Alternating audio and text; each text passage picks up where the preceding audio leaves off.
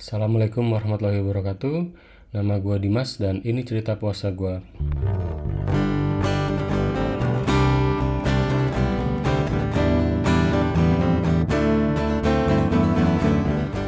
Halo, ketemu lagi di podcast cerita puasanya Loder. Kali ini gue mau bercerita mengenai kegiatan unik gue beberapa tahun yang lalu yang gue lakuin sehabis makan sahur. Yang belum tahu gue, gue ini berprofesi sebagai IT security. Dan ini sudah gue lakukan di beberapa tahun ke belakang. Mungkin udah ada lebih dari 10 tahun ya. Nah, kegiatan unik apa sih yang gue lakuin pas lagi selesai makan sahur? Jadi, yang gue lakuin adalah ngepet online. Pada saat itu, berhubung gue ini lagi bokeh, muncullah ilmu kepepet gue yang karena yang gue punya memang ilmu security, jadinya gue akan mencoba peruntungan gue dengan cara mencari hadiah dari hasil mencari sebuah bug di dalam suatu website.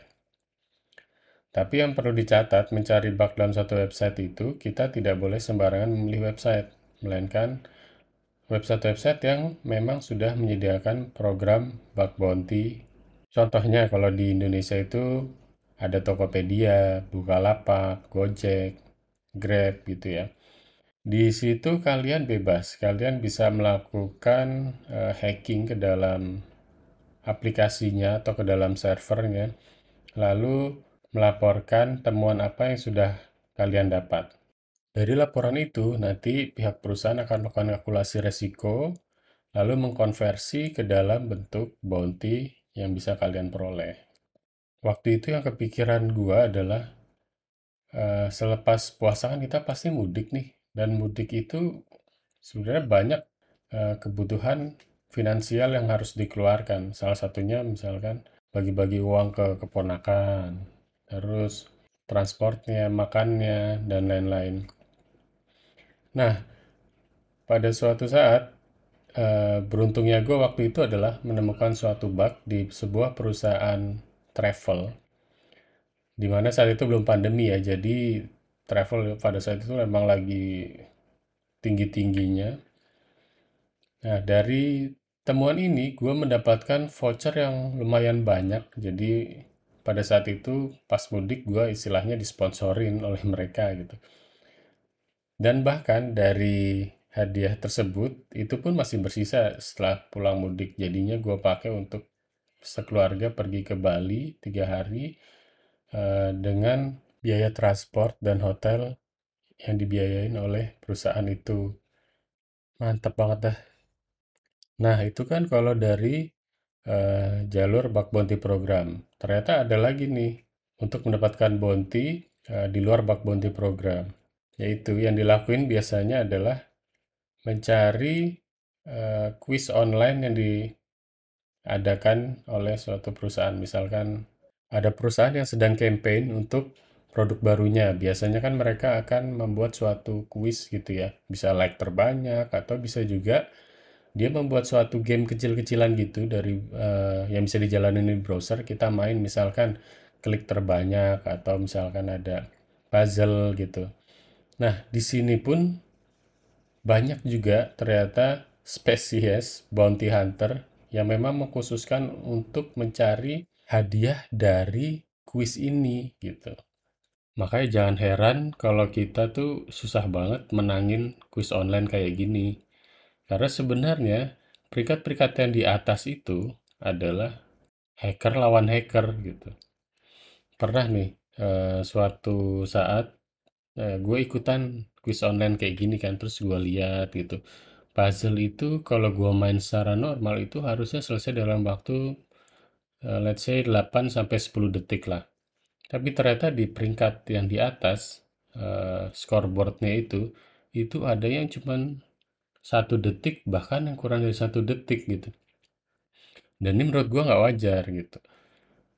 Hal ini mungkin aja bisa dia bisa satu detik itu ada dua cara. Yang pertama dia itu emang bikin bot jadi bikin semacam robot untuk mainin game tersebut biar cepat. Yang kedua adalah uh, melakukan hacking. Jadi uh, si bounty hunter ini akan mencoba untuk memanipulasi uh, hasil permainannya untuk diinjeksikan ke dalam kuis online itu gitu. Tapi untuk beberapa campaign atau beberapa perusahaan yang aware itu biasanya mereka akan mendiskualifikasikan untuk hasil yang uh, tidak wajar. Dan itu bagus sebenarnya. Cuman banyak juga uh, beberapa campaign yang memang diserahkan ke pihak ketiga dan mereka nggak uh, mau nggak mau pusing. Sepertinya jadinya ya udah ambil aja peringkat 1, 2, 3 dan karena adanya kelonggaran-kelonggaran inilah jadinya uh, para bounty hunter ini semakin banyak. Hal ini sering terjadi soalnya memang untuk mengamankan sebuah game yang sifatnya client side artinya dimainkan dari sisi klien itu cukup menantang buat developernya karena ibaratnya gini kalau kita main di uh, game online itu sebenarnya semua kendali itu ada di kita. Ibaratnya gini, uh, gue misalkan punya kuis untuk Rubik deh, misalkan Rubik. Rubik ini akan gue kasih ke orang untuk diselesaikan. Nah pas gue kasih itu gue nggak tahu, gue nggak bisa memonitor si Rubik itu diapain biar bisa solve. Bisa aja kan si orang itu ngelepas stiker war stikernya itu nyocokin warnanya tanpa dia utak-atik dan hal seperti itulah kurang lebih yang dilakukan oleh para hacker untuk memenangkan di quiz online ini gitu. Makanya game-game yang besar sekalipun kayak PUBG, kemudian Mobile Legend itu kan masih banyak sering ada uh, cheater ya, karena sifatnya seperti itu. Semua itu sebenarnya kita yang megang. Jadi kita bisa ngedit value-nya, misalkan yang tadinya larinya kecepatannya 10 kita setting jadi 100, itu memungkinkan banget gitu. Perlu ada trik-trik khusus untuk melakukan uh, pengamanannya. Oke, gua rasa itu dulu sharing gua di podcast cerita puasanya loader. Ingat punya skill sebaiknya digunakan untuk hal yang positif karena selain dapat membawa keuntungan buat diri kita sendiri, itu juga dapat memberi manfaat ke orang lain yang membutuhkan. Terima kasih. Wassalamualaikum warahmatullahi wabarakatuh.